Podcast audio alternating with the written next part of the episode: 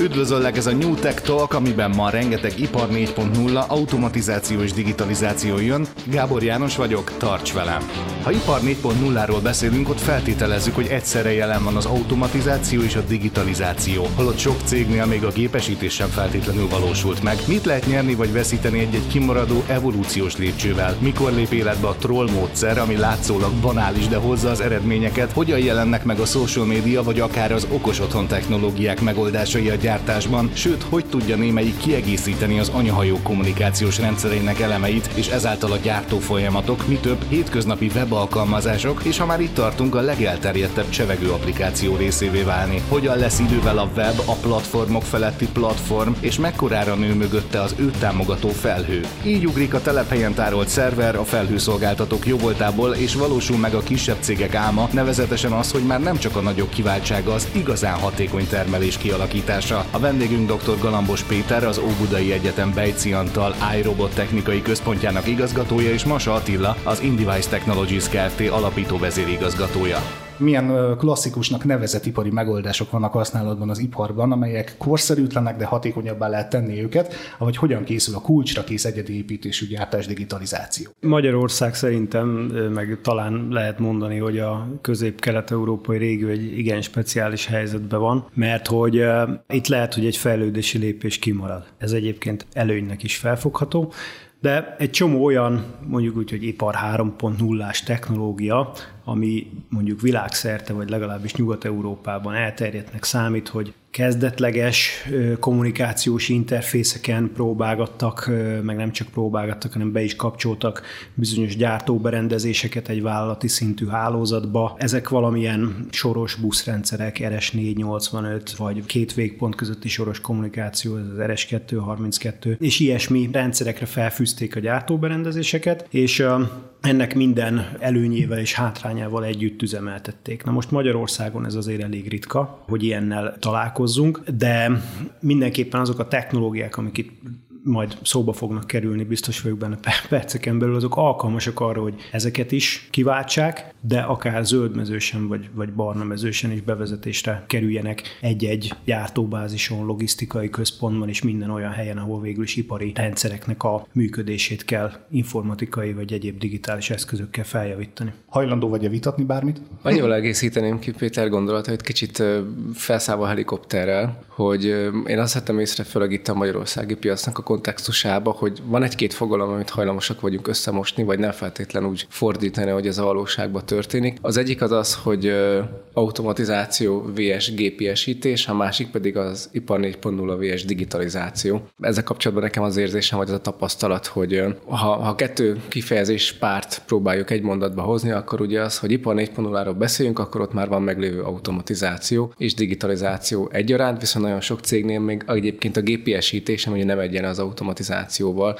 sem feltétlen van jelen a gyártásba, és, és én itt csatlakoznék Péter gondolatához, igen, itt, itt nagyon sokan egy lépést kihagynak, mert elképzelhető, hogy most már úgy ruháznak be egy gépre, hogy gyakorlatilag az már egy okos eszköz, vagy egy okos gép, ami képes lesz majd digitális csatornákon különböző információkat eljuttatni más rendszereknek, úgyhogy emiatt valóban van egy, egy szakadék, akik most tudják ezt a lemaradást, ezt a szakadékot behozzák, és ők valószínűleg versenyképesek is maradnak a piacon, de ilyen szempontból tényleg érdekes az időszak, mert itt, itt robbanásszerűen kell mindenkinek innoválni, ha nem szeretne kimaradni ebből. Ha már kimaradás, kimarad egy lépés, ezzel egyébként mit lehet nyerni vagy veszíteni? Én azért gondolom, hogy ez lehet versenyelőny, mert felmerül mindig a, az igény, meg, meg, meg talán, talán ha, van, ha van, van már valamilyen gépesített, automatizált, illetve digitalizált gyártási környezet, akkor ott, ott, ott felmerülhet, hogy oké, okay, akkor ezt úgy okosítsuk fel, hogy ezeket a megörökölt rendszereket próbáljuk életben tartani. És ez rendszerint olyan plusz költségekkel jár,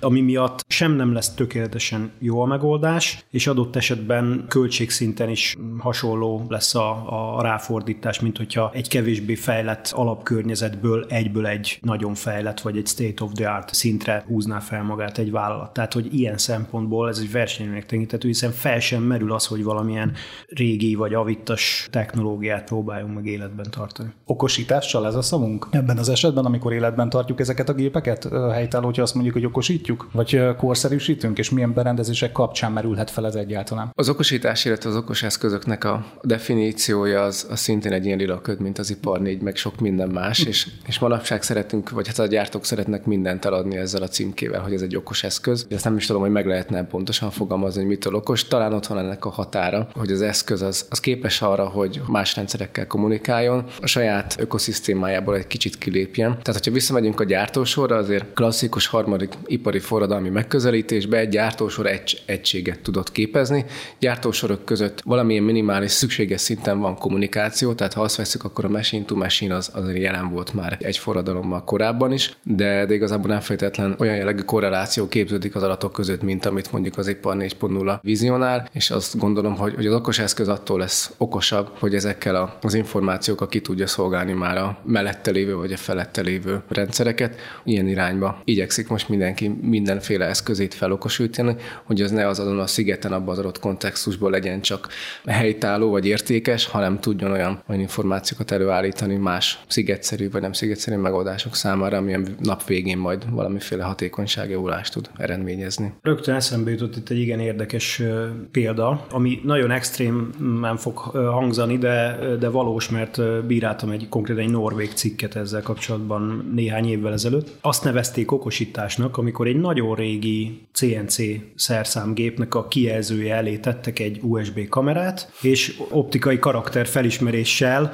állapították meg a gépnek az állapotát, és ezt az információt továbbították egy egyébként korszerű gyártásmenedzsment környezetbe. Na hát ez az, amikor tényleg ilyen erőltetett okosításról beszélünk, hiszen ezt egy korszerű szerszámgép vezérlőből ezeket az információkat egy, egy megalapozott módon, egy jó dokumentált interfész segítségével könnyűszerrel ki lehet nyerni. Van-e itt egy határ, amikor egy, egy gyártulajdonosnak, egy vállalat tulajdonosnak a gépparkjára, ami adott esetben akár 20-30 éves, azt mondjátok, hogy részben vagy egészben lehet digitalizációs folyamatokat kialakítani, ezek tovább használatával pedig már éppen a keresztet készült rájuk vetni, akkor nyilván újjunk, de nyilván ne kell legyen egy határ. Tehát mi az, ami, mi az, ami beilleszthető, ráhúzható, szintén megint csak akár példákkal ipari környezetben, ilyen 20-30-40 éves gépekre. Szerintem ez nehezen skatujázható, vagy nehezen lehet ilyen rule of mondani erre. Minden esetet meg kell egyedileg vizsgálni és megtérülési számításokat végezni, hiszen minden piac, minden gyártónak a piaci szerepe, helyzete az, az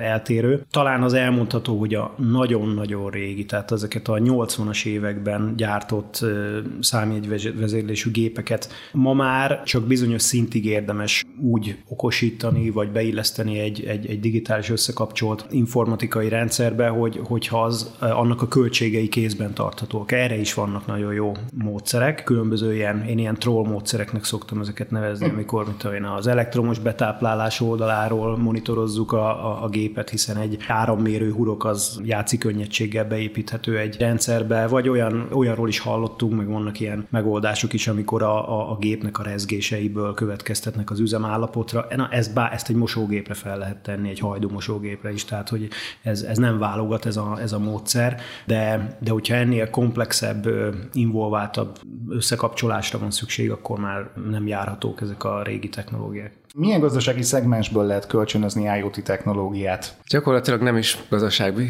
szegmensből közelíteném meg, hanem úgy egyáltalán az IT szektorból. Ahol ezt talán el szokták választani az ipari felhasználásból, van úgymond az OT layer, illetve az IT layer, ugye az Operation Technology, illetve az Information Technology, ilyen szép magyar kifejezésekkel élve.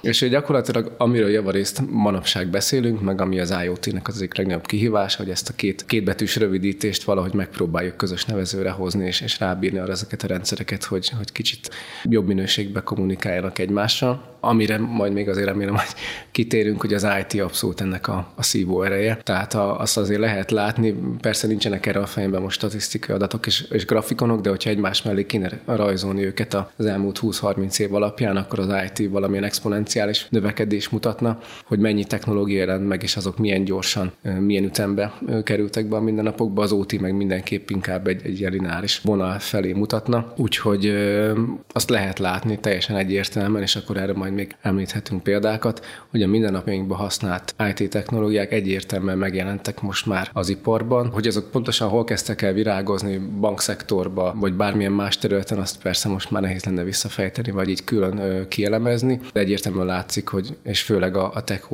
által most egyiket sem nevesítve, de aki, amik a mindennapjaiknak a része. Nem is feltétlenül kitalált, de hogy, hogy javarészt alkalmazott technológiák most már megjelentek az iparba, és hosszú évek alatt jó, jó gyakorlattá tudtak átültetődni, és nem csak kísérleti jelleggel vannak jelen. Az tény, hogy a nagy informatikai cégek által kezdeményezett fejlesztések, amik főleg adatközpont, informatikai környezetben működő technológiák, illetve a social media és egyéb internetes nagy frameworköknek a technológia, ezek szépen begyűrűznek a, az iparba. De a, talán a home automation, meg, meg olyan kevésbé industriális területek vívmányai is egyre inkább megjelennek a, a, a gyárakban is, hiszen valójában nagyon hasonló feladatokat kell megoldani egy gyártási környezetben is, mint egy olyan esetben, hogy nézzük, hogy milyen erősen fúj a szél, és akkor behúzzuk az árnyékolót. Tehát, hogy ez egy régóta létező háztáji technológia, tök hasonló dolgokat kell csinálni a gyárban is, csak megbízhatóbban esetleg, és kicsit többféle arrendszert kell bevonni ebbe, a, ebbe az információs közegbe. Laikusként engem az bűvöl el, hogy,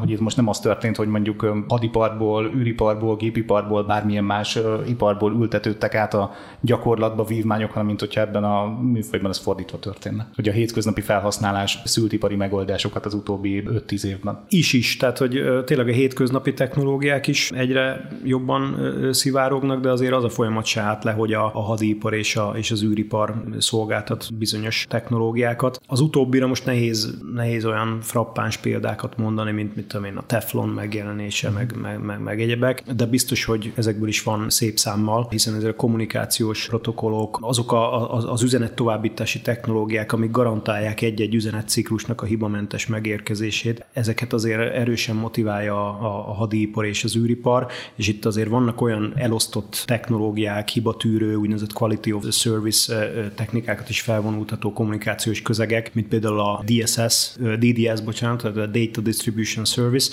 ami alapvetően haditechnikai célokat szolgált, amikor megszületett, de ma igen jelentős térhódítása van a, a, az iparban. Ez például egy ellenpélda arra, amiről majd biztos fogunk beszélni, hogy a, a nem tudom, a, a GraphQL az, a, az jött a social médiából, de a DDS az megjött a, az anyahajók informatikai hálózatából. Beszélhetünk róla itt. Igen, tehát hogy, hogy van számos olyan technológia, ami teljesen egyértelműen tetten érhető az, hogy honnan, honnan jön. És például, amit az előbb említettem, a, a, a GraphQL, az a az a REST API-t, ami szintén ide sorolható, hiszen csak az már régebbi dolog, tehát az 11 pár évvel ezelőtt vált mainstreamé. Ma az egész internet, tehát minden webalkalmazás, ezt nem mondhatom, hogy minden webalkalmazás, de a webalkalmazásoknak az öme, az az úgynevezett REST API technológián alapul. Az a ö, kliens alkalmazás, ami a böngészőben fut, az egy REST API-n keresztül kommunikál a szerverrel. És régen ez is egy, egy eretnek megközelítés volt a gyárban, tehát hogyha azt mondtam, hogy fú, egy restapin küldünk be valami adatot a gyártásfelügyeleti rendszernek, akkor így megborzongtak az emberek. Ma már ez nincsen, tehát ez teljesen elfogadott dolog, de tíz évvel ezelőtt ez nem volt ilyen. Aztán ott van egy, igen, igen tehát folytatnám, hogy a GraphQL, az pedig a REST apiknak bizonyos hiányosságait kezelő újabb megközelítés arra, hogy egy kliens hogyan tud kommunikálni egy szerverrel még rugalmasabb módon, hogy lehet még hatékonyabb hatékonyabb szoftver technológiákkal kiszolgálni egy kliens alkalmazást. Ez még fehér holló az iparban, de szerintem pont Attiláéknál ezek olyan technológiák, amik abszolút kint vannak az asztalon. Tehát, hogyha ezt igényli a probléma, akkor ezzel fogják megoldani. És mi is így vagyunk az egyetemen, hogy látjuk ezeket a, ezeket a hatékony eszközöket, és hozzá is merünk nyúlni. És akkor már említettem például ezt a, ezt a Data Distribution Service szabványt, ez pedig egy, egy hadipari nagyágyú, amit előszeretettel használnak francia, brit hadipari óriások, nem akarom őket a, a nevén nevezni, de ez meg ebből a világból érkezik, és elosztott rendszereket, a tengeren túl ezeket gyakran hívják úgy, hogy Internet of Everything, meg System of Systems, tehát ott ilyen bűvszavakkal szoktak fémjelezni ilyen megoldásokat, amikor az utolsó kis kapcsolóba is van valamilyen TCP/IP stacket támogató kommunikációs csatorna, és ők DDS-en keresztül titkosított, hibatűrő kommunikációs csatornákon beszélgetnek, mert az anyahajón nem lehet megengedni azt, hogyha elromlik a mosógép, akkor az ne indítsa el a megfelelő protokollokat Szerintem a legfontosabb gyűjtő szó egyébként, ami a kulcsa, vagy, vagy talán válasz minden kérdésre a web alkalmazásoknak az elterjedése, és úgy általánosságban a webes technológiáknak a térhódítása. Ha visszamegyünk az időbe, lehet, hogy nem is kell olyan nagyon sokat, mondjuk egy 15-20 évet, mindenki arra emlékszik, hogy platformtól függetlenül valamilyen operációs rendszerre használta a személy számítógépét, és hogyha szeretett volna azon valamilyen alkalmazást használni, akkor azt fel kellett telepíteni egy exe vagy egy, egy, egy más vagy tényleg platform függően, és utána volt volt erre lehetőség. És általában ezek az alkalmazások eléggé lokálisan futottak, hogyha már ennek kellett csatlakozni egy külső adatbázishoz, vagy más rendszerhez, ez már nem is feltétlenül az átlag hétköznapi user életében jelent meg, hanem sokkal inkább mondjuk valami gyártási környezetben kellett hozzá valamilyen szofisztikáltabb IT skill, hogy már akkor adatbázishoz össze lehessen kötni, stb. stb. Így nézett ki régen. Most viszont gyakorlatilag az alkalmazásoknak nagyon nagy része, és hogyha belegondolunk, böngészőbe el tudjuk tölteni most már az életünknek a nagy részét, hogyha bekapcsoljuk a számítógépet, szerepet, mert gyakorlatilag a böngészők egyfajta új platformá vagy operációs rendszeré váltak. Nagyon sokféle modern webes technológia van, amit már, már nyilván ezek a böngészők támogatnak. Gyakorlatilag annyi kiegészítő van hozzájuk, és annyit fejlődtek az elmúlt évben, hogy tényleg önállóan megállják a helyüket, és most már egyszerűen nem szükséges külön alkalmazásokat telepíteni ahhoz a felhasználóknak, hogy elérjenek például információkat gyártási adatokról, mi is erre alapozunk nyilvánvalóan most már évek óta, és, és mindig is ez volt a, a megközelítésünk, hogy a felhasználók életét megközelítsük, és emiatt gyakorlatilag, amiatt, hogy, hogy ekkora térhódítást nyertek a, a webes technológiák, keretrendszerek, tehát itt egészen, hogyha ha mélyebbre megyünk, akkor most már szerintem majdnem minden modern, akár IoT vagy IIoT platform ilyen felhasználó interfésszel rendelkezik, ugye a JavaScript vagy a PHP-nak a, a modernizációjával és a keretrendszereknek az elterjedésével teljesen olyan eszköz sztár áll a, a rendelkezésre, ami egyrészt serkenti a gyors fejlesztéseket, tehát nagyon sok mindent nem kell most már újra feltalálni, rendelkezésre áll, vannak rá keretrendszerek, vannak rá olyan akár nyílt forrású példák, amiket egy-egy ilyen fejlesztő csapat nagyon gyorsan tud implementálni a saját ökoszisztémájába, úgyhogy ez mindenképpen egy gyorsító vagy, vagy hajtóerő, hogy, hogy a webes technológiákon alapulóan készülnek most már a, a rendszereknek a nagy részei. A megjelenítés mindenképpen azt gondolom, hogy a motorháztető alatt mi van és hogy az hogy működik, az, az egy másik témakör, és hogyha én is élhetek egy, egy példával, hogy itt Péter említette a GraphQL-t, amit igen mi is előszeretettel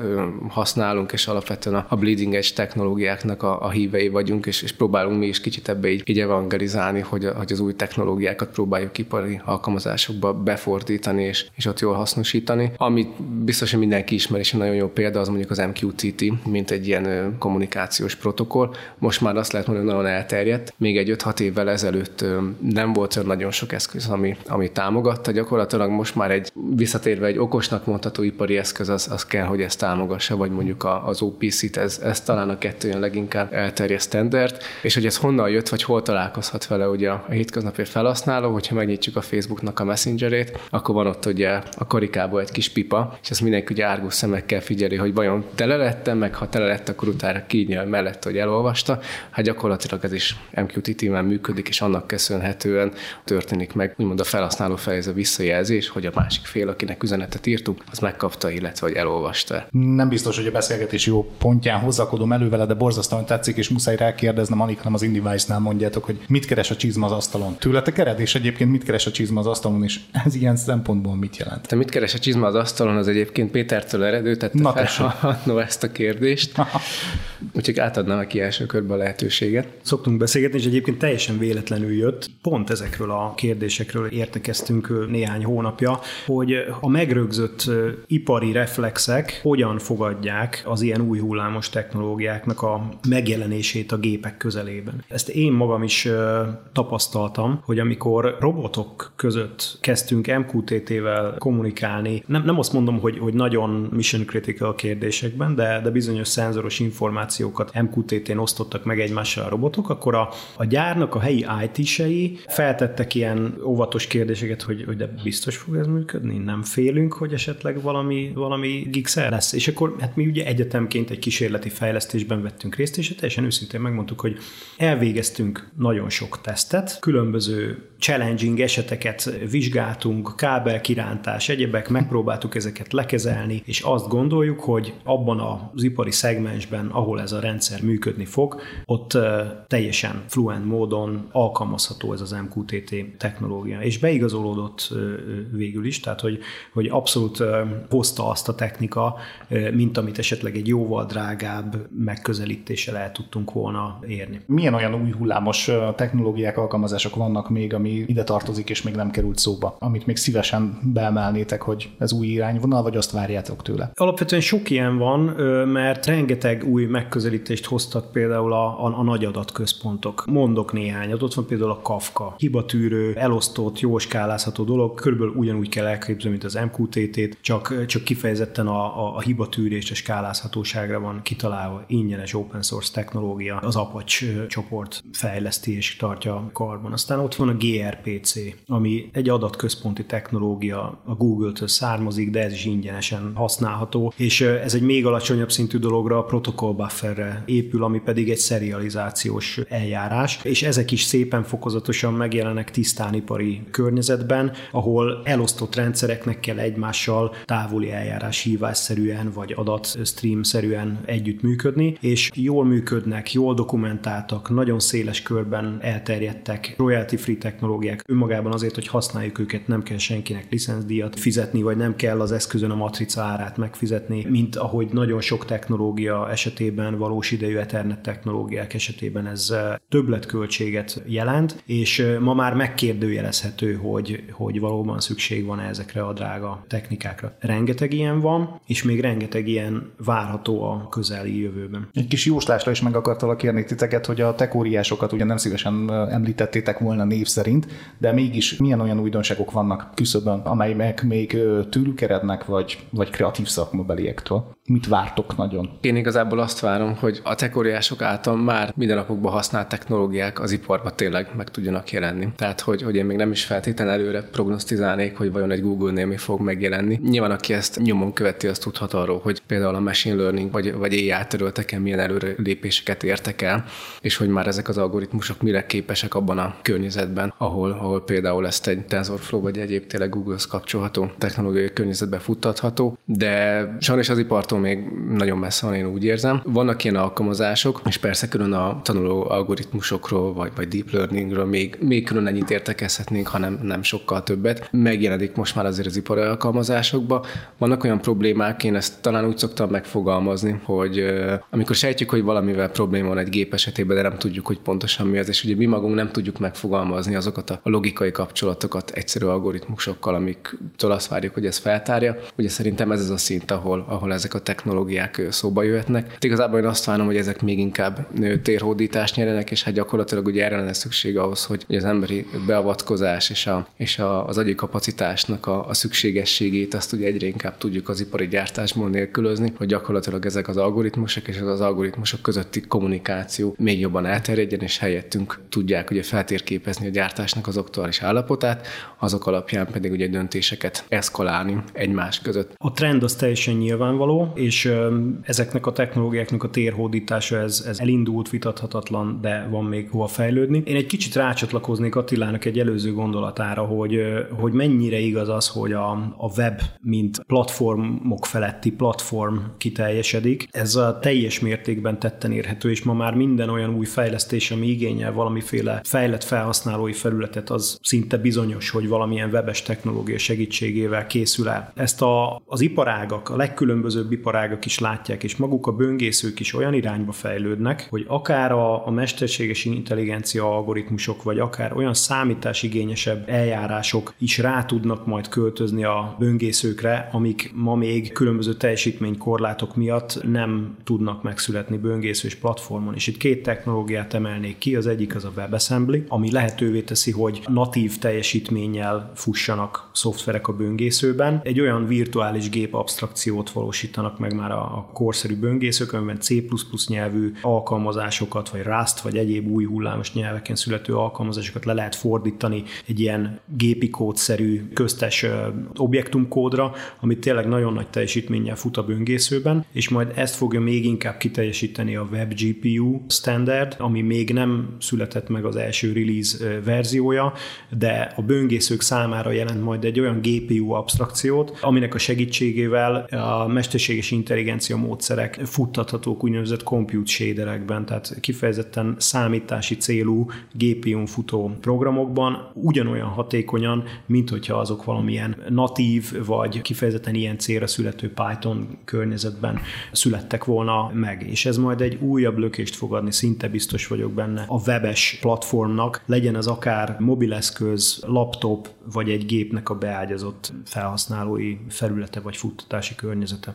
Kérhetek lassan a vége felé közeledve egy rövid verdiktet. Tehát, hogy mindezek a megoldások, amelyekről beszéltünk, nem is arra vagyok kíváncsi feltétlenül, hogy számszerűsíthető-e, de, de hogyan fogja megváltoztatni az ipart, ami mindazokhoz képest, amit elmondhatok, jelenleg cammok. Mi mindenben segítetnek ezek a technológiák még, amikről most utóbb beszéltünk. Amivel talán erre reagálnék, és még az előző egy-két gondolatmenethez is csatlakozik, csak hogy tényleg mik azok a technológiák, meg technológiai irányok, amik nagyon fontos, hogy megjelentek és, és szükségesek az ipari alkalmazásokba is. Ugye kifejezetten az adatoknak a tárolása és a tárolásnak a, a mikéntje. Úgy gondolom, hogy ezt is a, az IT-nak, vagy a hétköznapi IT-nak köszönhetjük, hogy, hogy ezelőtt szintén, hogyha visszamegyünk az időbe 20-25 évvel ezelőtt, akkor gyakorlatilag, bár lehet, hogy, hogy nálam egy kicsit jobban hozzáértem, megcáfoldó relációs adatbázisok léteztek, és az adattárolásnak ez volt a, a mikéntje, hogy, hogy ilyen módon tároljuk el, ugye SQL meg hasonló felépítési adatbázisokat ugye mindenki ismer, és az utóbbi néhány évben ugye megjelentek már ennek úgymond alternatívái, vagy más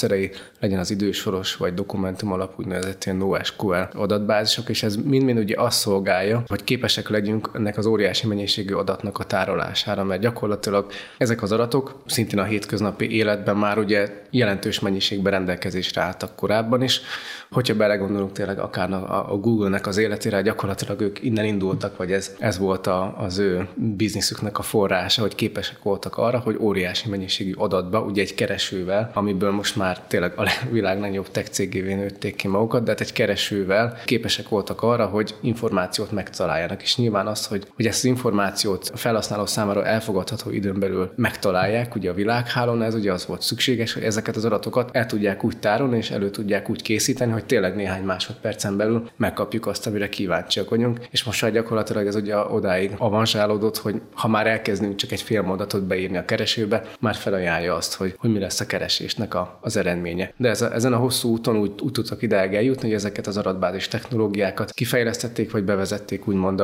az ő infrastruktúrájuknak a, a működésébe. És ugyanúgy szükség van szerintem ezekre a technológiákra az iparba, mert gyakorlatilag, hogyha ha beszélünk arról, hogy adatgyűjtés, egy-egy információt hogy tudunk egy géptől megszerezni, legyen mondjuk az alsó réteg vagy rétegek, meg beszélünk arról, hogy ezt az információt utána mi hogyan látjuk, hogyan találkozunk vele, de gyakorlatilag az igazi érték az a kettő között van, és ez az az állomány, ami folyamatosan dagadni fog, folyamatosan dúzadni fog, és gyakorlatilag ezt kell majd tudnunk a jövőben szerintem kordában tartani, hogy mind, mind a saját életünkben, mind pedig az ipari alkalmazásokban ez a folyamatosan dagadó adatmennyiséggel, ami, ami nagyon jó, hogy sok, meg nagyon jó, hogy van, csak kell valamit tudni kezdenünk vele. Nem beszéltünk azokról a felhő alapú tárolási megoldásokról, vagy az eszméletlenül fontos virtualizációs technológiákról, amik ugyanígy részei ennek az egész ökoszisztémának, és nagyon nehéz az egyikről beszélni a másik nélkül. Tehát így, így a végére muszáj beszúrni azt, hogy... Meg is kérlek rá, hogy, igen. hogy akkor érdemes a kommunikációról és a kliens oldali technikákról beszélni, hanem mögött van egy nagyon rugalmas, vagy nyilvános felhő, vagy on-prem virtualizációs megoldás, ami elképesztő lehetőséget ad a cégeknek, a gyártó cégeknek a kezébe. Ma lehet úgy nagyon-nagyon korszerű gyártócéget csinálni, hogy a, a szerver kapacitások nincsenek jelen, hanem előfizetéses alapon megvesszük bármelyik nagy cégtől, vagy kis cégtől ezeket a szolgáltatásokat, vagy éppen, hogyha olyan adatokkal dolgozunk, vagy olyan a, a, az információs szabályrendszere a cégnek, akkor fel tud építeni egy, egy adatközpontot, ahol az erőforrásokat elképesztő rugalmassággal tudja hozzárendelni az egyes feladatokhoz. Mindezek együttvéve. Tehát az, hogy eldurrant a számítókapacitás. Tehát a, a mobiltelefonom olyan teljesítményre képes ma, ami tíz évvel ezelőtt egyszerűen felfoghatatlan uh-huh. volt. Tehát egy, egy 150 ezer fontos mobiltelefon ma a GPU-ban, CPU-ban, memóriában, mindenben lepipálja képernyő felbontásban a tíz évvel ezelőtti laptopokat. A szerver technológiák, a szoftver technikák és az az open source community, ami mindezt szinte felrobbantotta az elmúlt tíz évben, a GitHub, az NPM, a, a lehet sorolni, a, a Pythonos csomagkezelők és mindazon jó minőségű közösség által karbantartott szoftverek, amelyek elérhetőek, ezek lényegében bárki számára elérhetővé tették azt a megoldás kulcsot, amit be lehet vinni egy, egy gyárba. Régen azt gondolom, hogy az igazán nagy cégek kiváltsága volt az, hogy hatékony termelést valósítsanak meg. Ehhez nagyon drága, nagyon vertikálisan, nagyon nagy hozzáértést igénylő apparátust kellett mozgósítaniuk. Ma ez teljesen másképp van. Én azt gondolom, hogy ma egy három CNC géppel dolgozó, forgácsoló cégnek ott van a kezébe a kulcs, hogy relatíve kis ráfordítással egy elképesztően hatékony üzemmenetet építsen ki a legkorszerűbb eszközökkel, hiszen minden ott van az asztalon, és egy rendszerintegrátor, egy megfelelő hozzáértéssel rendelkező cég partnerségével nagyon rövid idő alatt nagyon nagy lépéseket tudnak tenni egy elképesztően versenyképes technológia és működés szervezés irányába. Eddig a New Tech Talk legfrissebb epizódja, remélem tetszett. Tarts velünk a következő alkalommal is, és ha még nem tetted meg, iratkozz fel a New Tech Talk csatornáira a kedvenc alkalmazásodban. Spotify, Google vagy Apple Podcasts, Deezer, rss.com és podcast.hu. Még több ipari és technológiai újdonság a New Technology magazinban, a newtechnology.hu és az okosipar.hu-n.